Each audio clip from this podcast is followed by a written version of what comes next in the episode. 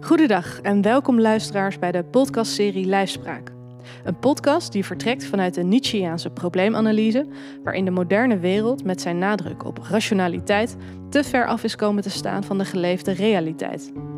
In deze podcastserie gaan wij met deskundigen in gesprek over de gevolgen van dit moderne denkkader en onderzoeken we hoe we onszelf en de wereld op een meer levende manier kunnen begrijpen. Deze podcast wordt gemaakt door de stichting Filosofie Oost-West, een kennisnetwerk dat zich bezighoudt met comparatieve filosofie.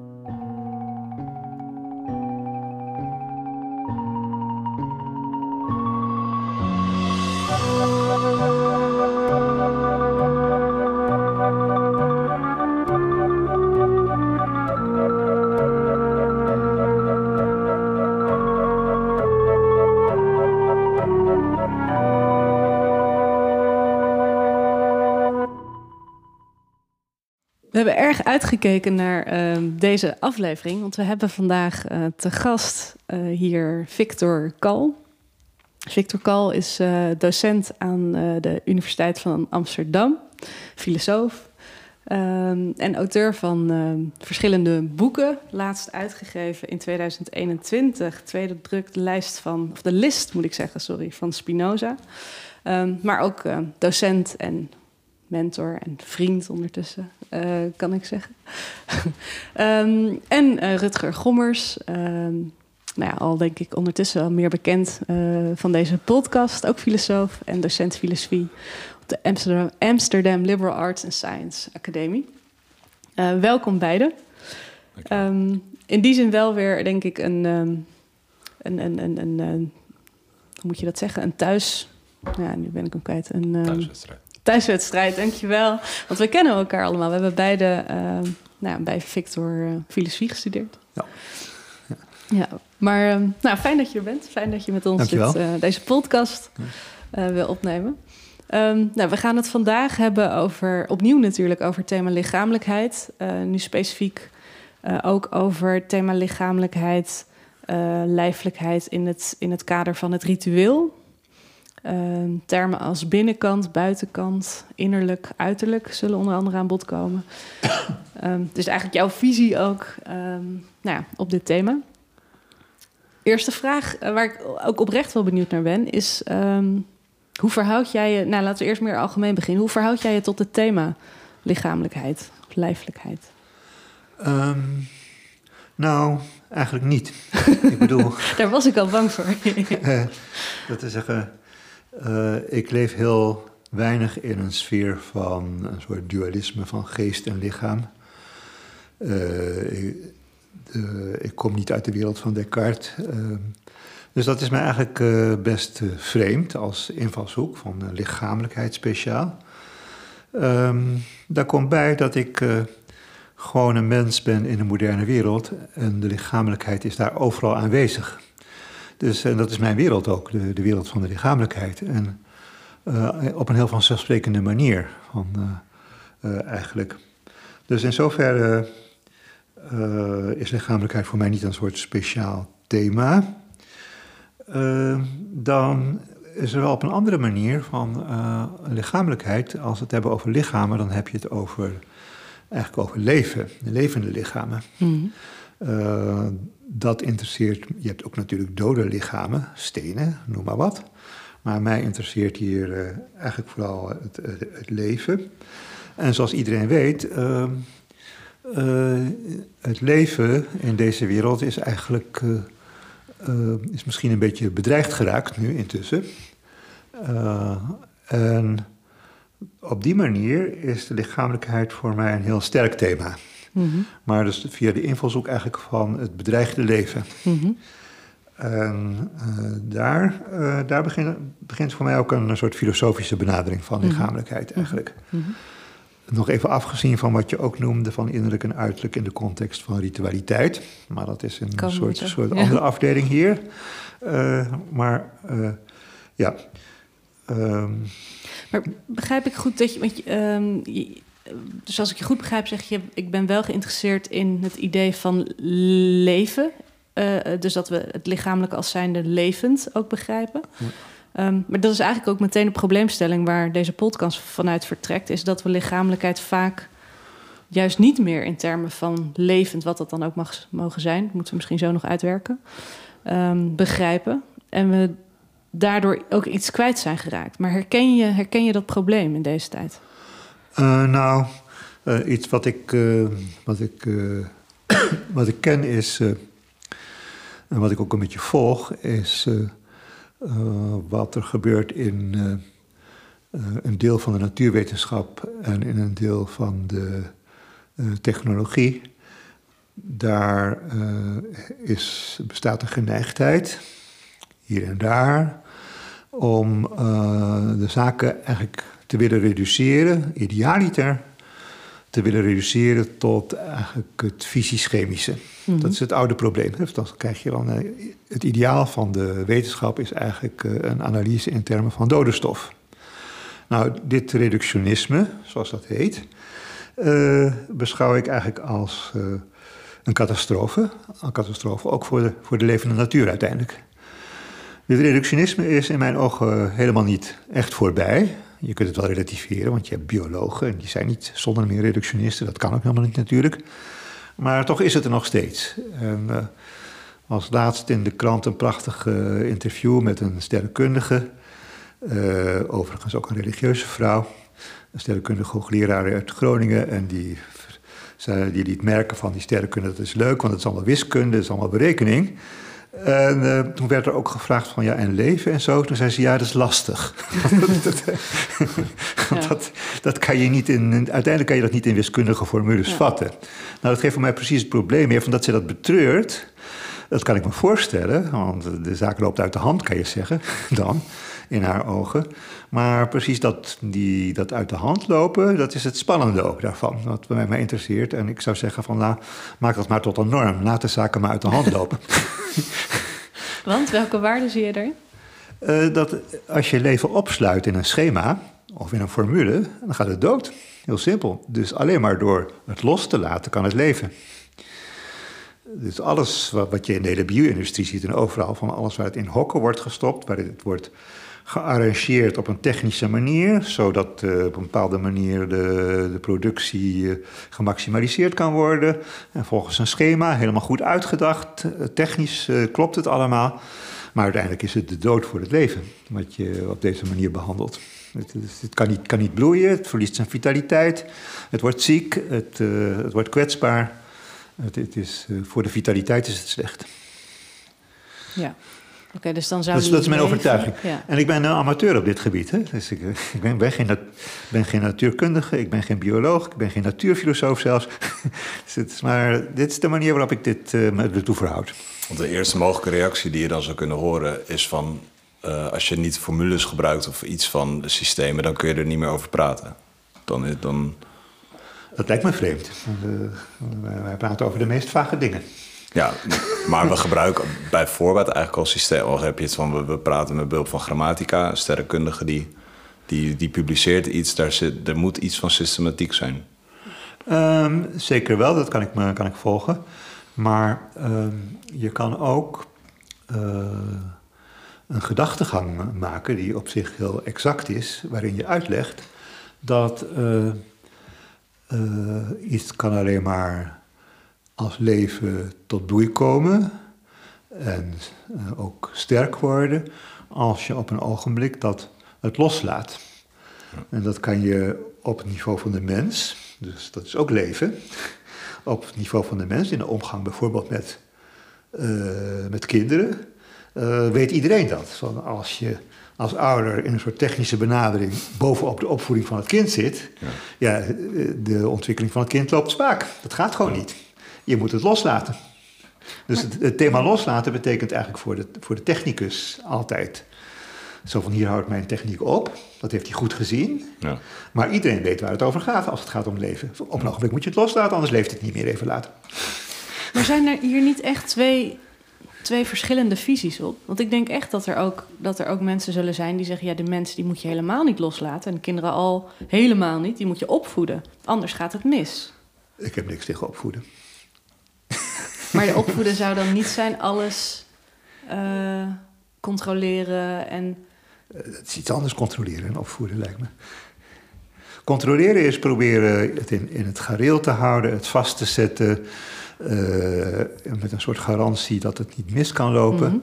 Terwijl opvoeden is iets laten zien. Mhm.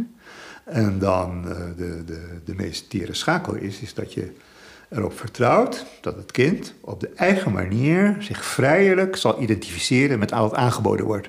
Maar op de eigen manier en vrijelijk. Ja. Dus niet opgelegd, dus niet technisch. Ja, maar noem je volgens mij al meteen, het is een zere plek, daar moet je vertrouwen voor hebben. Vertrouwen in de mens. Tuurlijk. En dat geldt voor de hele natuur. Van als je geen vertrouwen hebt in de levende natuur, Ja, is dat het einde van de levende Ja. natuur op den duur. maar de levende natuur is toch ook eeuwenlang onze vijand? Of hetgeen geweest waar we voor vrezen? Ehm, ja, maar wat wil je daarmee zeggen? Nou ja, dus dan, dan, dan zou je streven naar. Dus dan zou je zeggen van wil je streven naar vitaliteit, dan moet je de mens of de natuur vertrouwen. Maar als dat vertrouwen er niet is, of als we het zien als juist hetgeen we moeten vrezen en moeten controleren om te kunnen leven als mens, te kunnen overleven. Maar wat je zegt is een beetje archaïs. De meest, de meest enge beesten worden tegenwoordig met moeite in stand gehouden in reservaten en zo. Dus, Ja, maar wel gecontroleerd. eh, wel enigszins gecontroleerd, maar toch ook vrijgelaten. Oké, dus je, je denkt dat we eigenlijk over dat, die, die angst voor de natuur, dat we daar voorbij zijn. Eh, in, over het globaal gezegd wel. Natuurlijk ben je in situaties dat je bang bent voor een teek of zoiets als je in de duinen loopt of zoiets. maar, Ja. maar, dus dat, dat bestaat allemaal. Ja, En we zijn bang ook voor ziekte. In die zin Ja. zijn we ook bang voor de natuur. ja. ja. Nou, oké, laat ik hem anders aanvliegen. Eh, Eer zei dat je ook soms angstig bent voordat we dat leven vergeten in de dingen. Ja. Ehm, wat, wat zijn we dan vergeten? Eh, we zijn vergeten een principe. Eh, en ik. Een principe dat zegt dat eh, dat leven eh, het zelf moet doen. Dus dat die vitaliteit zich alleen maar zichzelf kan ontwikkelen, zoals een kind alleen maar uiteindelijk zichzelf kan ontwikkelen in, door identificatie. En iets dergelijks in mijn overtuiging geldt van, van al het leven. Van, eh, dus ehm, als je dat principe erkent, van het leven moet het, moet het zelf doen, dat is beslissend, dat het zich ontwikkelt, eh, hoe dan ook. eh, dat betekent dat je ergens terughoudend moet zijn Mhm. met je technische benaderingen. Ehm, dat, is, dat is het principe dus. Het moet het zelf doen en daar aan gekoppeld, aan gecorreleerd, een terughoudendheid is de, en wat, wat, eh, wat de afgelopen eeuw heeft laten zien, is dat er die, die- op het punt van die terughoudendheid is er iets misgelopen. Men heeft gedacht de zaken helemaal technisch te kunnen arrangeren. eh, in een soort drang tot, eh, in feite tot productiemaximalisatie. En eh, daar zit een risico aan. Zie je dat politiek ook terug? Of waarin, waarin zie je dat terug? Nou, de politiek heeft hier zijn zegen aan gegeven. Maar verder, verder is dit op alle vlakken gebeurd. De universiteiten, Wageningen, overal heeft men dit gedaan. En ook, ook met redenen van, het- dat was, dat was belangrijk om de voedselproductie wereldwijd eh, eh, sterk te maken. Omwille van de honger die er was en zo. Dus het is, het is met allemaal met nobele motieven eh, tot stand gekomen. Maar er, er zit een gevaarlijke kant aan. Mhm. Want het, uiteindelijk sterft het af. Komt het Eh, niet meer tot bloei. Uiteindelijk is het, lijkt het alsof de, dit afbreuk doet aan, eh, aan de vitaliteit, aan de, aan de verscheidenheid aan soorten, aan, het, eh, aan de, het samenspel van al die soorten. En bij mij roept dit ook een, een angst op van als je eh, eh, als evenwicht hier verstoord raken wereldwijd, dan eh, zou het kunnen zijn dat je op een ogenblik eh, een bepaald station gepasseerd bent en eh, dat je dan niet eens meer terug kunt. Zonder dat wij doorhebben wat- waar dat is. Maar dan, dan eh, is het stuk, de, gewoon het samenspel van Mhm. het eh, hele, hele milieugebeuren. Het is echt klimaat, bedoel je nu? Eh, het klimaat, de vervuiling, het, het Ja. vuil ook. Ja. Het vuil dat wereldwijd aanwezig is in de oceanen, overal. Vuil, Ja. vuil, smerigheid. Ja. Echt overal. Maar De begrijp mens ik- is gewoon vies. Ja. ja.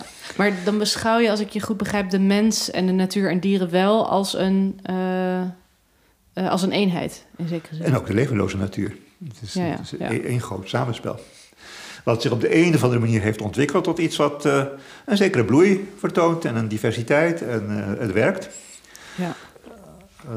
en dat kan ook gewoon ophouden te werken. Zo sterk is die natuur niet. Je kan gewoon het loodje leggen Ja. in die levende natuur. ja. En Maar dat klinkt dan nu redelijk hopeloos allemaal, als we het nu eh, ehm, zo, zo neerzetten. Maar je zei net helemaal aan het begin van, de, dit, dit kan een begin zijn voor een filosofie.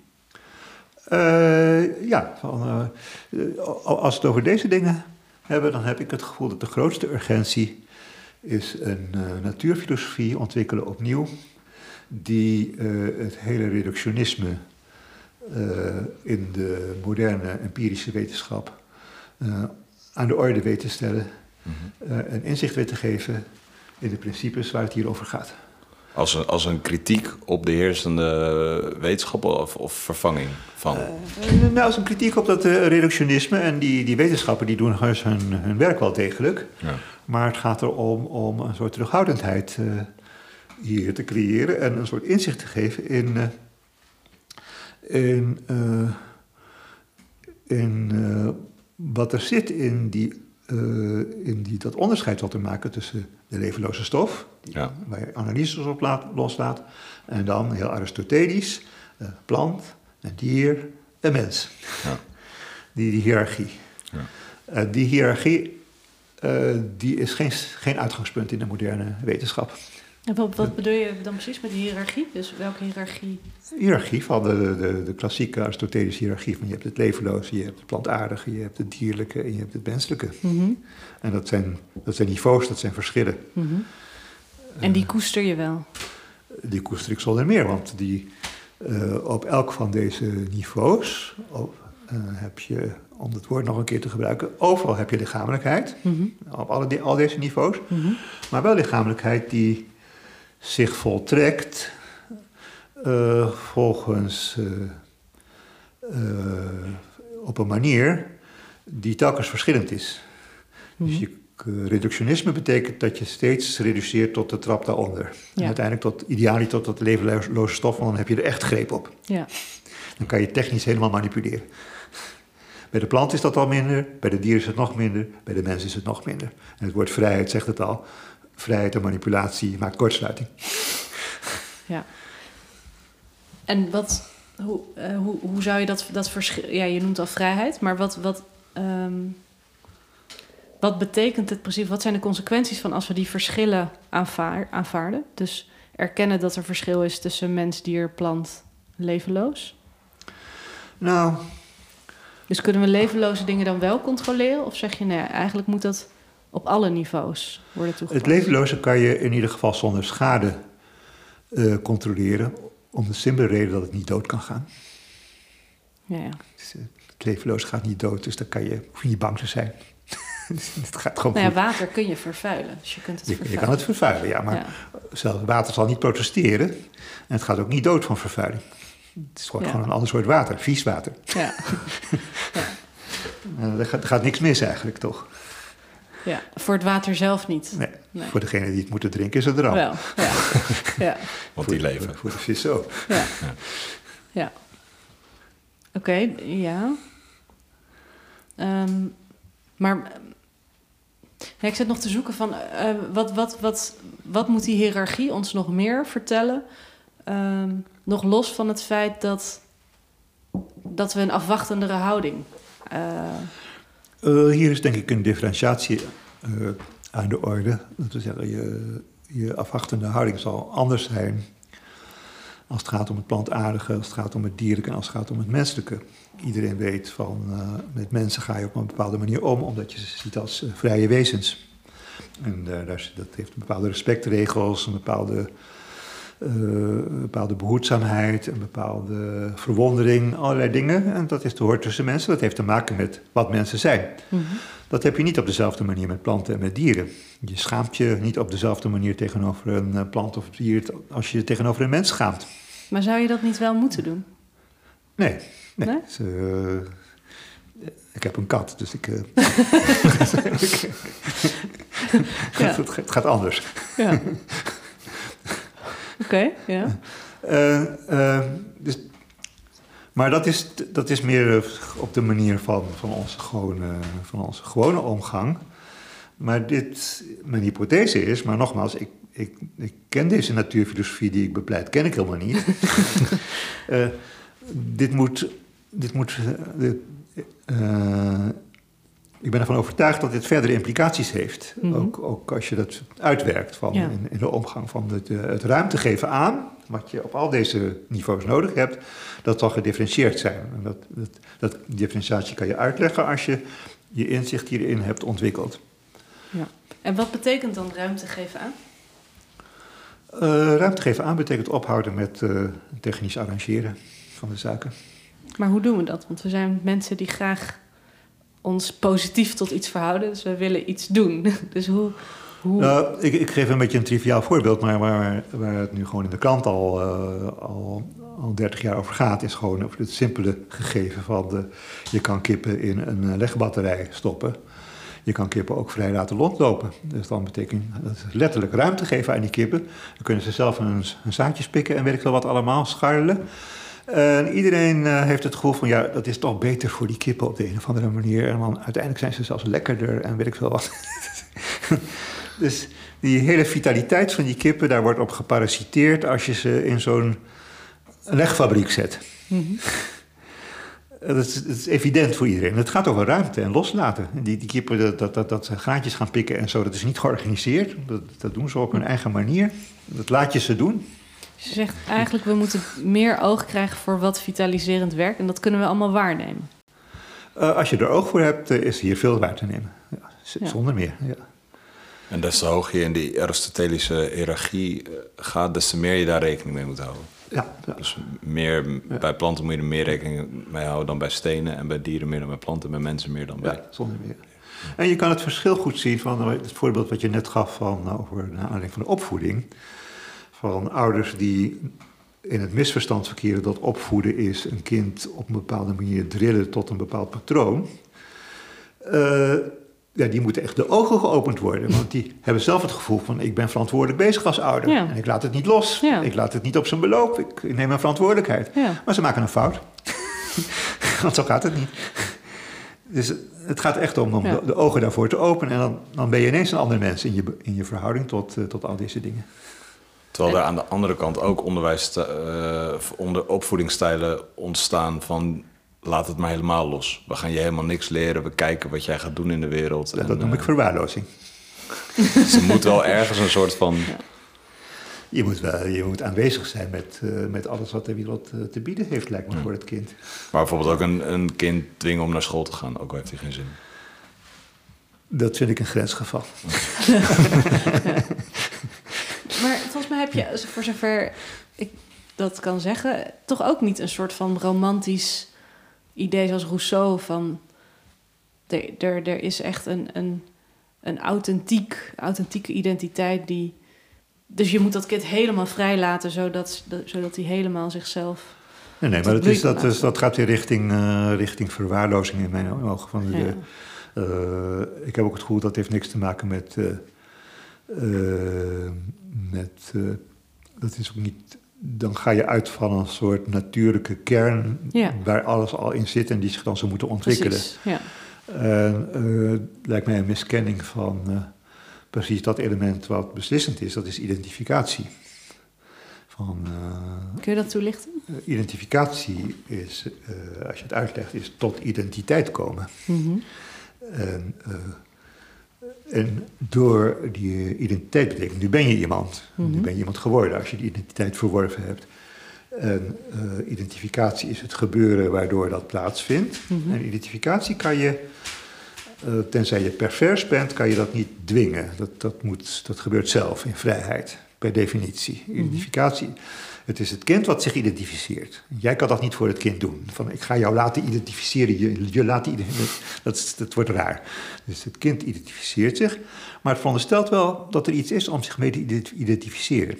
Mm -hmm. als, als je het kind in een soort lege kamer zet, zo van je, we laten het lekker blanco, dan kan het allemaal uit jouzelf komen. Mm -hmm. Er komt niks uit zo'n kind. Ja, dus het is niet aange, geen het, aangeboren het, het heeft een rijke omgeving nodig. En dan zal het eruit, net zoals de kip zijn graantjes uitzoekt, uh, zal, het, zal het pikken. rechts en links en, en daar een eigen iets van maken. Ja. Ja. Mm, Ook met levensloze dingen? Kan, eh, zeg maar, is er dan is een, een, ehm, een normatief eh, kader waarbinnen je je wel en niet zou kunnen identificeren met dingen? Of met situaties of met... Natuurlijk is eh, eh, een kind, maar dat geldt ook voor de verdere levende natuur. Je stelt het niet bloot aan dingen waarmee je, waarvan je zegt van, nou, misschien zou een kind in een soort misleiding zich daarmee kunnen identificeren, maar dat zou Hmm. slecht zijn. Ja. Omdat het uiteindelijk die bloei tegengaat. Eh, ja, of omdat het te grote contradicties oplevert met andere dingen weer. Ja. Of, eh, dus bescherming eh, is niet iets wat, waarvan je zou moeten onthouden, zou ik zeggen. Nee.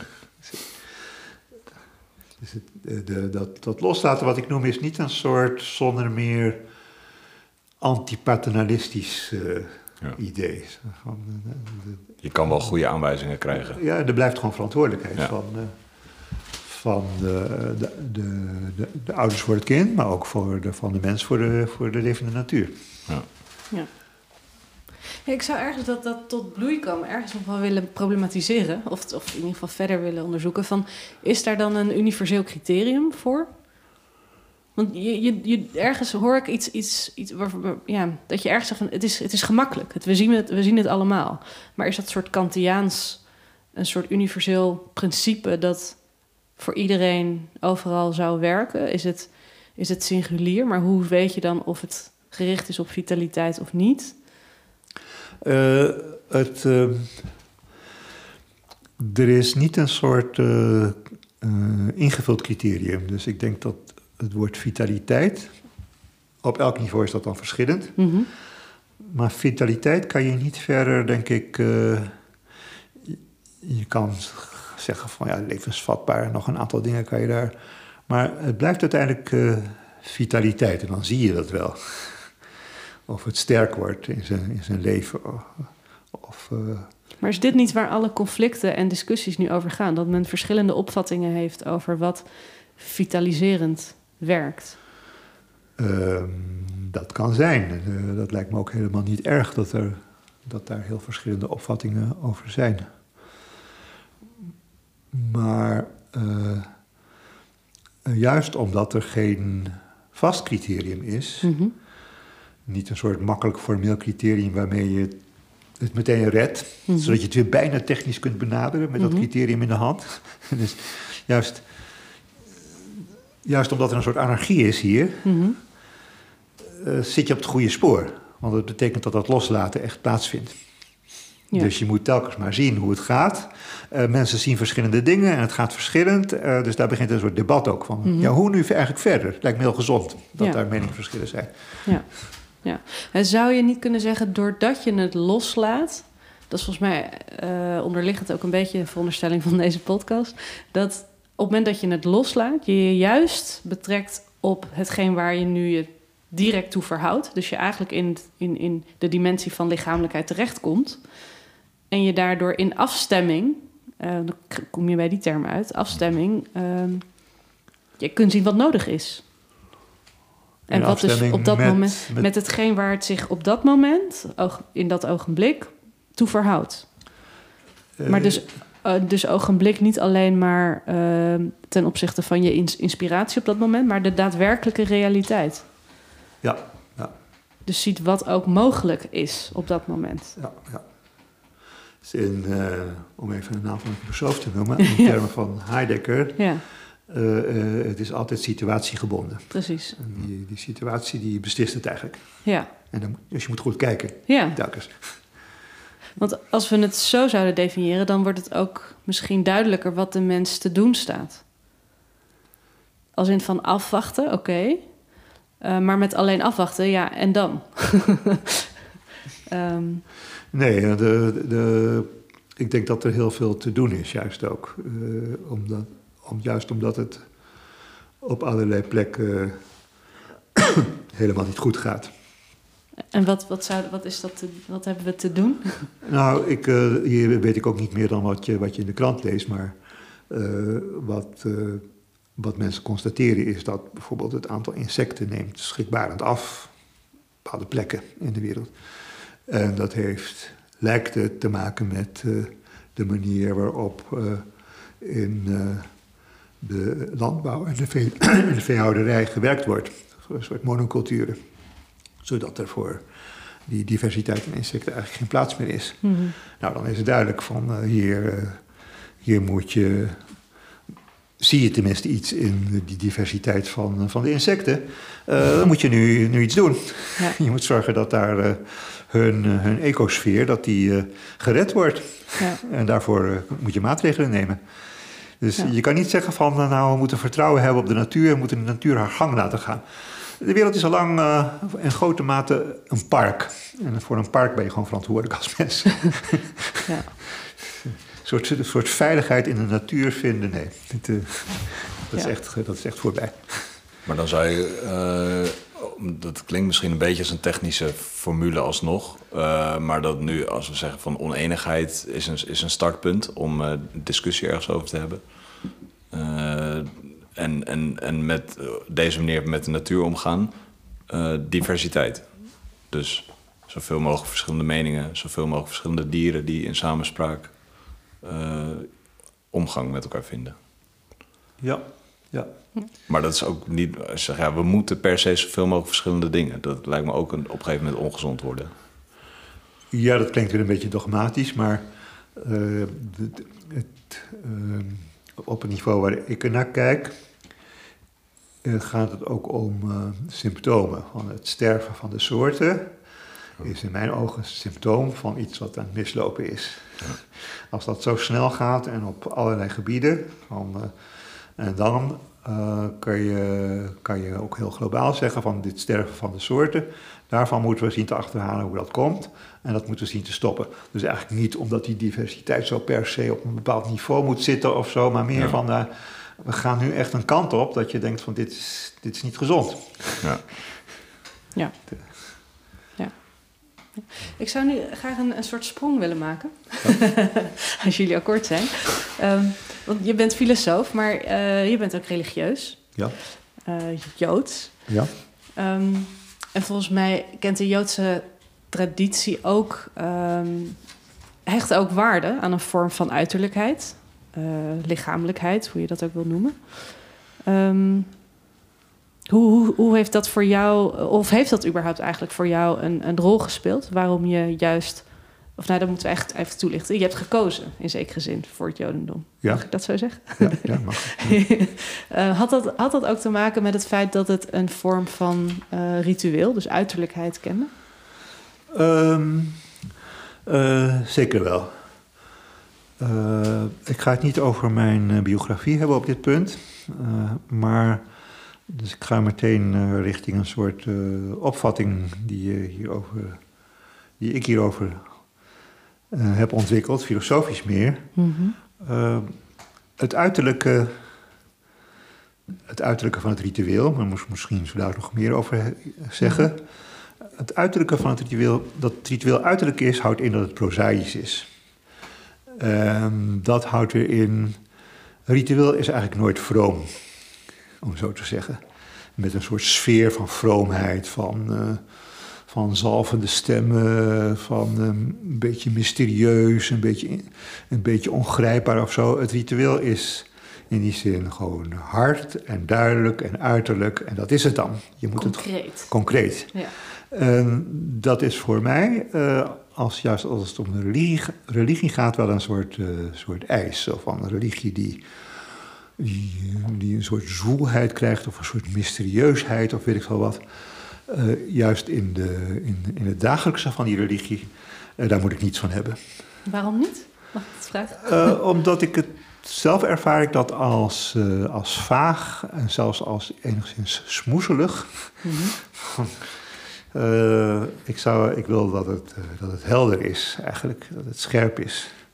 En hier, het uiterlijke is op zich scherp. Er zit natuurlijk een, nu een, een dubbele bodem in alles wat ik zeg, maar die laat ik nog even ongenoemd. Maar Uh, en in het Jodendom is, het, uh, is dat heel. Uh, wordt dat, in de Joodse, traditionele Jodendom wordt dat heel duidelijk gezegd. Je, je, er zijn een aantal verplichtingen.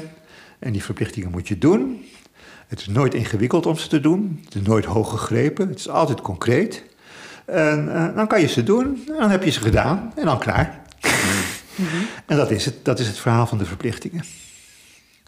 En je hoeft daar niet iets, een soort uh, vroom gezicht of een diepzinnige gedachte direct aan te koppelen. Dat mag ook. Misschien is het zelfs de bedoeling dat er iets, nog iets gebeurt, maar die verplichtingen op zich, die, die rituele verplichtingen, die zijn gewoon, zijn gewoon wat ze zijn. En welke meerwaarde zie je daarin? Uh, nu komt de dubbele bodem die het al aanduiden, van, uh, omdat het, dit allemaal in het uiterlijke zit. Mm -hmm en zelfs, uh, kun je zeggen, onverbloemd uiterlijk is, creëer een afstand tot iets waar het om gaat. Mm -hmm. Maar wat je zorgvuldig niet alvast in dat uiterlijke stopt. Want het uiterlijke is alleen maar uiterlijk. Dus het uiterlijke verwijst aan zichzelf voorbij, naar iets anders. Dat is ook echt iets anders dan. En die verwijzing die blijft zuiver als het uiterlijke uiterlijk blijft. Dan kan het verwijzen naar wat ik noem een verborgenheid. Hm. De verborgenheid die, die, te maken heeft met uh, iets wat voor, uh, misschien het woord nog een keer te noemen, voor het, voor het leven of voor het lichamelijke leven weggelegd is. Wat daarvoor beloofd is, wat daar verborgen voor aanwezig is. Dus het is, het is heel relationeel. Hè? Van, mm-hmm. Ik zit aan deze kant, ik doe de verplichting, ik doe dat prozaïs. En ondertussen uh, betekent dat dat ik me daarmee uh, relateer aan iets anders. Mm-hmm. En hoe moeten we dat andere begrijpen? Uh, nou, laten we, uh, laten we, dat is een mooi sluit aan bij waar we het even over hadden. Wij hebben net gehad nu Grote Verzoendag en daarvoor Joods Nieuwjaar. En dan zeg je allemaal extra gebeden. Uh, nou, dat is een hele toestand, kun je zeggen. en dat wordt allemaal volgens voorschrift gedaan. Maar dan, je vraagt van waarom nou eigenlijk allemaal? En wat staat daar? Omwille van het leven. En alleen het woord leven weet het hele Jodendom op te brengen. Meer niet. dat wordt niet gedifferentieerd eigenlijk. Dat wordt niet uh, uh, uitgelegd of concreet gemaakt. Dat is aan het leven om te komen zoals het wil komen. Ja. Dus, maar de, in de verplichtingen stop je dat leven niet. Jij doet gewoon jouw kant en dat leven, dat, dat, dat komt dan. Je, je kan het heel simpel zeggen van er is een onderscheid tussen daad, dat is, dat is het ritueel is daad, en gebeuren. Mm -hmm. En met de daad probeer je het gebeuren niet voor de voeten te lopen. Mm -hmm. Maar dat veronderstelt dan bijna alsof het leven niet in de, in de daad zit. Dus ook als je zegt van je, je, je je hebt een ritueel, dat is slechts handeling. Mm -hmm. Maar alsof dat gebeuren daar dan geen onderdeel van uitmaakt, want er is een tegenover. Precies, ja. ja. Het, mag zelfs niet eens, lijkt het. Ja, ja, ja. Maar waarom zou je die twee differentiëren? Omdat gebeuren kan nooit daad zijn. Dat zegt het woord al. Een gebeuren moet gebeuren. Dat kun je alleen maar hopen dat het gebeurt. En uh, een daad kun je doen. Dus als je dat door elkaar laat lopen, krijg je een soort rotzooi. Het, het klopt niet meer. Dat is net als iemand die, uh, uh, die, wil, die graag zou willen dat, uh, dat een andere persoon sympathie voor jou heeft. En dan ga je die andere persoon op de een of andere manier zo manipuleren dat hij sympathie voor jou heeft. Nou ja, dan krijg je iets heel raars. Dat wordt geen, wordt geen sympathie. Die sympathie kan alleen maar uit vrijheid uit iemand komen voor jou. Als je dat gaat organiseren, dan ben je pervers. Ja. Dus, de, de, de, dus je moet het uit elkaar halen van dat, dat, met jouw daad. En je probeert er misschien goed voor de dag te komen om die sympathie op te roepen. Dat is jouw daad. Maar dan die sympathie die moet komen. Dat is het gebeuren. En dan moet je niet door elkaar gaan. Uh, die sympathie ook daar nog in gaan zitten met je vingers dan. Ja, dus dat betekent dat dat gebeuren is eigenlijk altijd relationeel waarin iets nieuws ja, ja. ontstaat. Ja, daar geef je de ruimte aan. En, waarom dan uh, toch de daad en de verplichting? Want dan zouden mensen ook kunnen zeggen: nou het gebeuren, we, we, we, weten allemaal wat het is om te leven. Dat komt vanzelf wel. Dus dan, daar heb je het niet voor nodig om dan nog extra dingen daarbij te doen. Uh, laat het maar gebeuren. En ik zie wel wat er vandaag met me gebeurt. Ehm, nee, want eh, eh, eh, dat gebeuren komt wel uit zichzelf, maar je kan niet zeggen het, het komt vanzelf wel, want eh, je speelt daar in die zin een eh, beslissende rol in, dat je, je bent verantwoordelijk voor je toegankelijkheid ervoor. En al het rituele handelen is in de een of andere modus eh, op je nemen van die verantwoordelijkheid. Het gaat steeds over toegang. Toegankelijk zijn, ontoegankelijkheid wegkrijgen, blokkades opheffen. Eh, om maar, zodat je op de een of andere manier eh, een, eh, een openheid hebt bij jezelf of in je situatie voor dat gebeuren.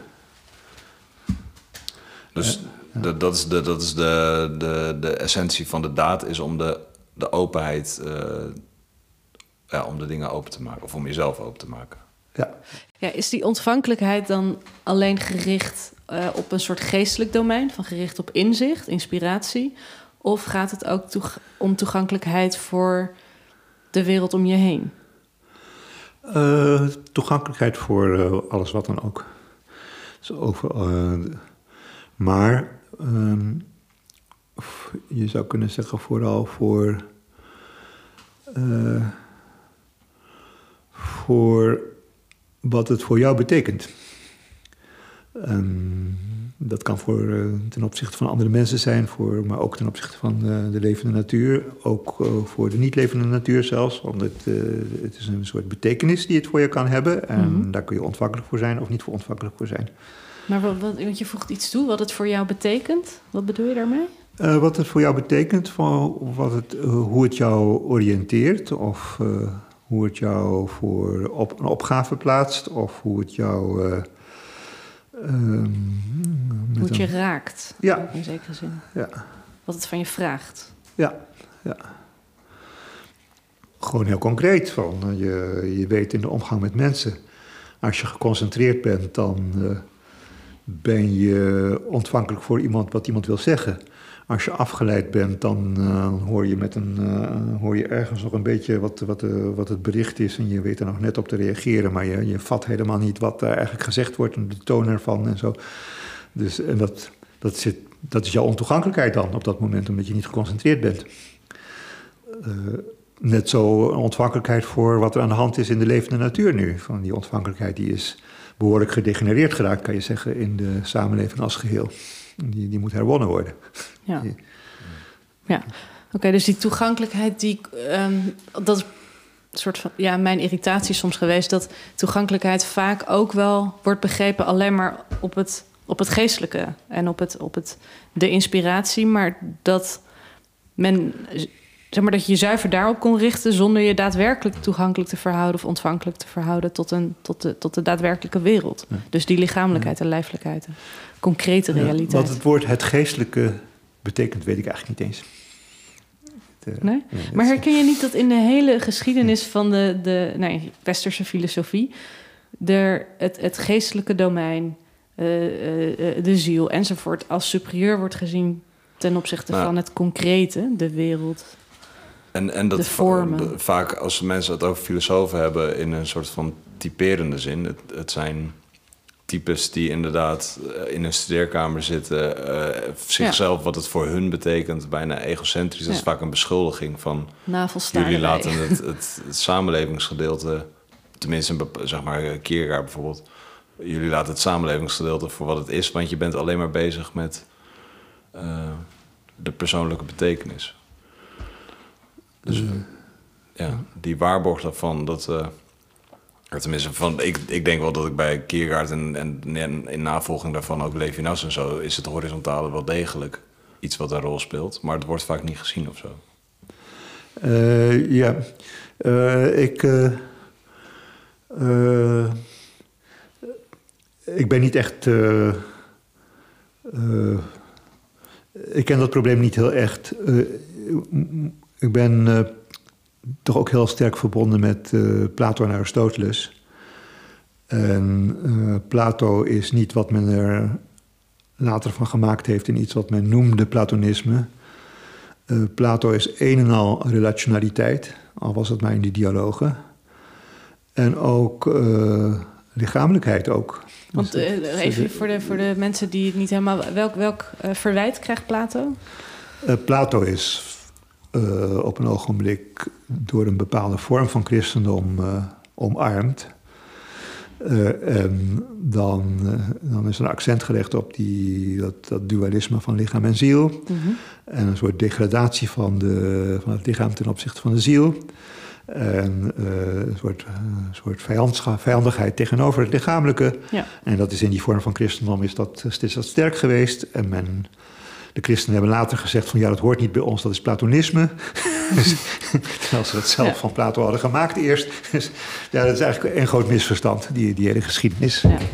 Dat, dat is helemaal niet Plato en dat past ook niet bij de Grieken. Die Grieken die waren zo lichamelijk als wat. En op hoe, allerlei punten.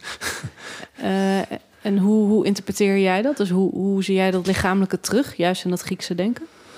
Um, of die waardering voor het lichamelijke? Nou, ja, ja, maar nu zeg je dan opnieuw het lichamelijke. Dat is, als je in termen van het lichamelijke praat, dan veronderstel je al een soort dualisme. Hè, van, mm -hmm. Dus zij, ze hebben meer, uh, zo, bij Aristoteles heel duidelijk ook van de eenheid juist van al die, van, van lichaam en ziel. En, uh, en je kunt het niet van elkaar losmaken, dat is één, één geheel. Van, Mhm. en het, en de ziel is het levensprincipe van het lichaam en niet van Mhm. iets anders. Dus, Mhm. dus dan, dan zie je al van, kijk, dit, dit, dit is helemaal met elkaar verbonden. En uh, Plato uh, in, uh, je kunt zeggen, de, alles wat hij met de ziel wil, is ook, krijgt ook de vorm van een soort trouw juist aan het lichaam. Van, het, het, lichaam verdient beter dan, dan een slechte ziel. Want het, het leven wordt uiteindelijk concreet en lichamelijk geleefd. Ja, dus daar moet het zich in manifesteren. Ja. ja. Ja. Nee, en ik begrijp ook dat je zegt dat, dat doordat wij werken met de term lichaam, dat je, dat je dualisme in zekere zin bevestigt. Ja. Um, maar ik denk dat, tenminste, de waarde die ik daarin zie, om dat zo expliciet te maken, is dat je eigenlijk naar een bepaalde kwaliteit wil verwijzen, um, die misschien vergeten is.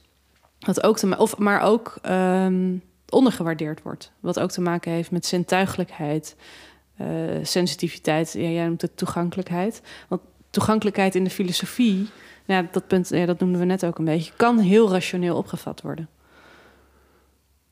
Uh, ja, ik weet niet zo goed wat je nu bedoelt. Nou, dus dat denken een zuiver analytische activiteit wordt. Naar, waardoor, naar mijn idee, een vorm van toegankelijkheid eigenlijk uh, vermeden wordt. Of, sterker nog, dat je ontsluit. Ja, ja, ja, dus als denken een zuiver geestelijke activiteit is, dat het uh, bijna een soort uh, ja, verkramping. De eerste stap naar het reductionisme juist. Ja, maar amputatie. Hier, ja, maar hier, uh, je gebruikt het woord activiteit. Mm -hmm. ik zou zeggen dat ontvankelijkheid verwijst naar een passief element in het verhaal. Mm -hmm. Dus je wordt aangeraakt. Mm -hmm. en dat is essentieel. Mhm. Dus als het als het uh, op zou gaan in rationele activiteit, dan ben je het kwijt. Dan zit, zit het er al niet meer in. Dan... Nee, maar je zou bijvoorbeeld alleen op je kussentje kunnen zitten en um, nou ja, in een soort van met bewustzijn bezig zijn, maar niet op een belichaamde manier. Dus dat je daadwerkelijk, dus om geraakt te worden, zou je kunnen zeggen, moet je ook sensitief gewaar zijn. Ook zintuigelijk. En ja. niet zuiver nou ja, geestelijk, hoe wil je dat noemen? Uh... Uh, ja. Uh, ja. ik kan dit als probleemstelling niet helemaal meemaken. Dat, het zuiver geestelijke ken ik niet. Nee? Jij stapt er echt gewoon ja. overheen, zoals ik het nu begrijp. Van het, het onderscheid bij Descartes. Nee, dat gaan we niet doen. We stappen er overheen. We zijn al in de wereld. Ja, ja. ja. ja. Nou, ik kan het misschien nog, nog kritischer doorvoeren. Discussies die nu ook gaande zijn. Van dat, dat er een soort van. Niet dat het bestaat, maar wel dat we het hanteren. Een onderscheid tussen lichamelijk, stoffelijk, natuur, maar ook de vrouw, het thema van de ander. En dat hetgeen dat dan als superieur wordt neergezet te maken heeft met rationaliteit, uh, geestelijkheid, uh, intellectualiteit, um, uh, mannelijkheid, dat noemde ik geloof ik al. Hè? Vrouwelijkheid. Uh, nou, vrouw, dat hoort dan echt, dat is inferi- Natuurlijk. inferieur. Dat hoort bij vorm. Dat is het lijfelijke aspect. Ja, dat herken ik niet. dat herken je oké. Nee, ook niet in de samenleving? Dus nog los van je eigen denken? In de samenleving, nou, het is een archaïsch beeld van de samenleving. eh, Ik zie Aan de dus universiteit? De, collegezalen vol met meisjes. eh, wat, wat- dat, kan ik toch, dat kan ik toch niet doen? Nee, maar of je... Ik heb dat zelf wel echt zo ervaren aan de universiteit. Ik, ik voelde me... Nou ja, Wiebe, eh, ken je? Mijn eh, Ja. eh, echtgenoot, kan ik niet zeggen. We hebben samen filosofie gestudeerd. En ik heb echt wel vaker meegemaakt dat ik een vraag stelde... en hij het antwoord kreeg. Ja, het- dat lijkt me grof. ja. Ja. Echt? Op de, op de Ja, ja, UvA ja. heb je dat mee? Ja. Ja, Ja, ja. Maar ik ken dat niet. nee, Het, eh, nee.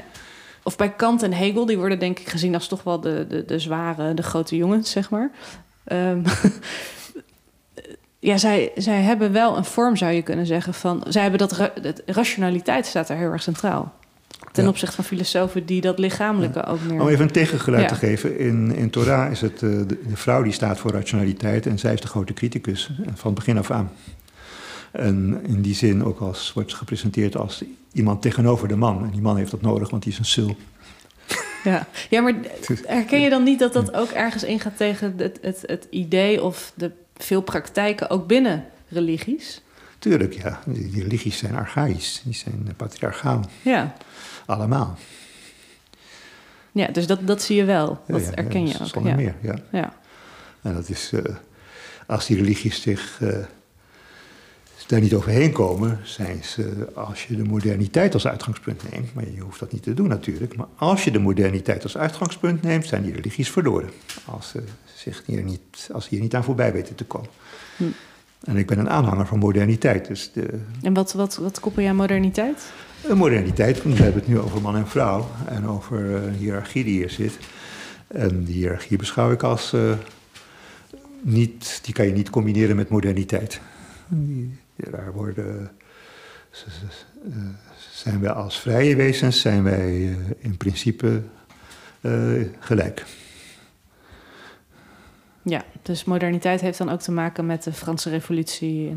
De Franse revolutie krijgt hier een soort eh, politieke status, maar hij is al lang gaande vanaf... eh, En welke aanknopingspunten heb je dan dat... eh want je zegt dan is de religie verloren als dat niet eh samengaat met moderniteit.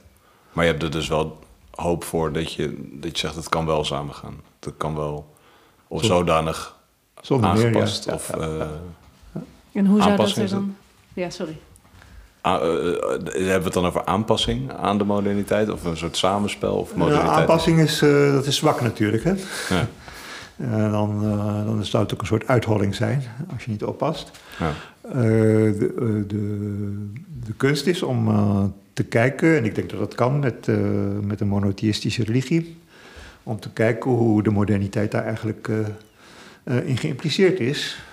Maar die implicatie is er niet uitgehaald. En ik kan het wel heel simpel zeggen, filosofisch. van, eh, de, eh, het radicale van deze vormen van monotheïsme is, is dat ze ehm, allemaal een prioriteit aan toekomst geven. Als je zegt prioriteit aan toekomst, dan zeg je van de, eh, de erfenis van het verleden, en dat is afkomst, herkomst en levensgeschiedenis, en ook alle identiteiten die daarin zitten, die zijn nu secundair. Toekomst is primair.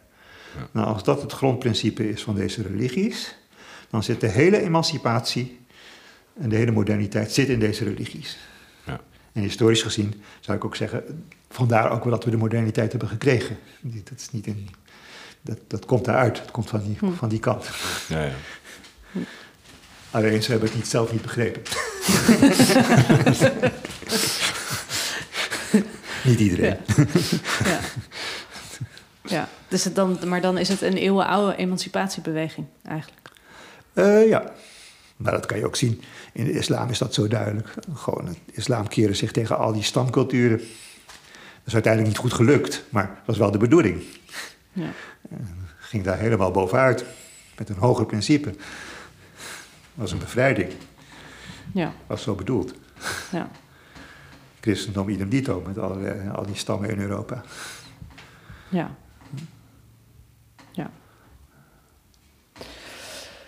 Oké, als we dan nog even terugkomen naar uh, ons thema, lichamelijkheid, lijfelijkheid. Ja. Um, wat Verkeerd we- woord dus. Verkeerd woord. Nee, Oké, nou, misschien moeten we hem dan breder. eh, wat, wat heeft de mens nu te doen, volgens, volgens jou? Wat, wat is er nu urgent Dat vind ik een te grote vraag. om, om weer om, om vitaler te worden? Ehm, Dus hoe zouden we... Want je, je noemde die afwachtendheid. Wat, wat, nou, eh, ik denk, je vraag is zo groot dat er allerlei antwoorden denk ik mogelijk zijn. Dus ik ga hem nu naar me toe trekken. ja. Naar iets wat mij eh, heel erg eh bezighoudt. Eh, de, in, de, in de publieke ruimte, die er nu wereldwijd is, met internet en alles, daar gebeuren een aantal dingen. Dat is zeggen, die publieke ruimte, die is ontstaan ergens in het verlengde van een soort moderne wereld die zich ontwikkeld heeft. Dan neem je al één beslissing. Je zegt hier moderne wereld en niet westerse wereld. Zoals Mhm. de laatste tijd weer in de krant veel wordt gezegd over westerse wereld. Ben ik tegen. Je moet moderne wereld zeggen. Ook in Hongkong is men modern, Mhm. niet westers. Mhm. Eh, nou, in die moderne wereld heeft die publieke ruimte zich ontwikkeld, maar in die publieke ruimte die, die wordt gekaapt. Die kan gekaapt worden door, door, door het kapitaal, door de maffia, ook wereldwijd aanwezig, door, eh, door de communisten, door de fascisten. En die pakken allemaal, die koloniseren die publieke ruimte. Nou, daartegenover staat een soort liberale gedachtenwereld die die publieke ruimte als open ruimte eigenlijk intact wil houden. Daar ben ik een aanhanger van. Mhm. Alleen, die liberale wereld heeft niks in handen om dat te laten zien. Want liberaal betekent je laat het allemaal open. Dus het is lucht, Mhm. als je niet oppast.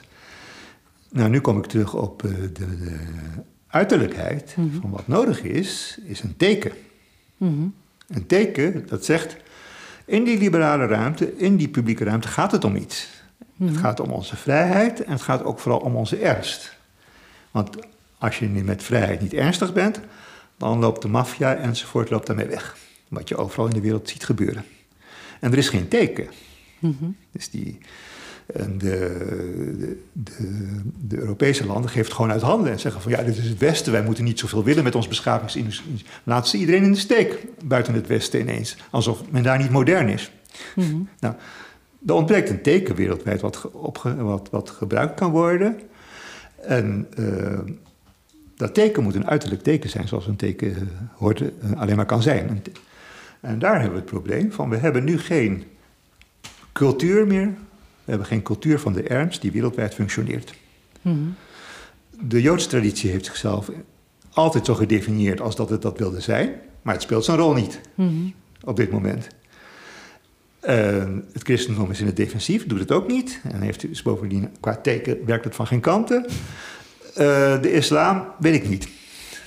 Op de maar het functioneert zeker niet in een soort, eh, als een soort protagonist van de op- publieke open, open ruimte wereldwijd. Mhm. Dus hier heb, heb ik het gevoel van die, die, die cultuur van de uiterlijkheid, of een cultuur die tot uiting komt in de uiterlijkheid, die is zo urgent als wat.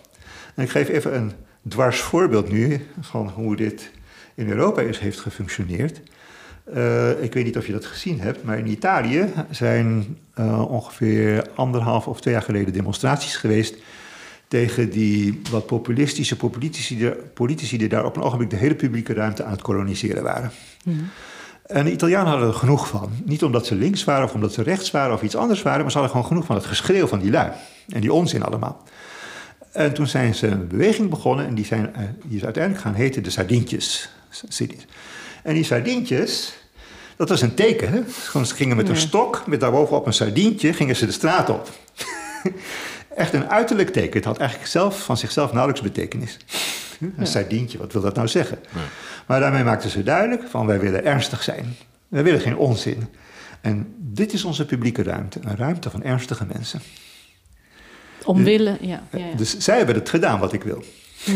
En ze hebben, ze hebben iets moeten uitvinden, iets geks eigenlijk, omdat er niks meer ter beschikking staat. Ze hebben niet een beroep gedaan op de katholieke cultuur die daar in Italië is, of op iets anders, want dat werkte allemaal niet meer. Ze zijn met een sardientje gekomen.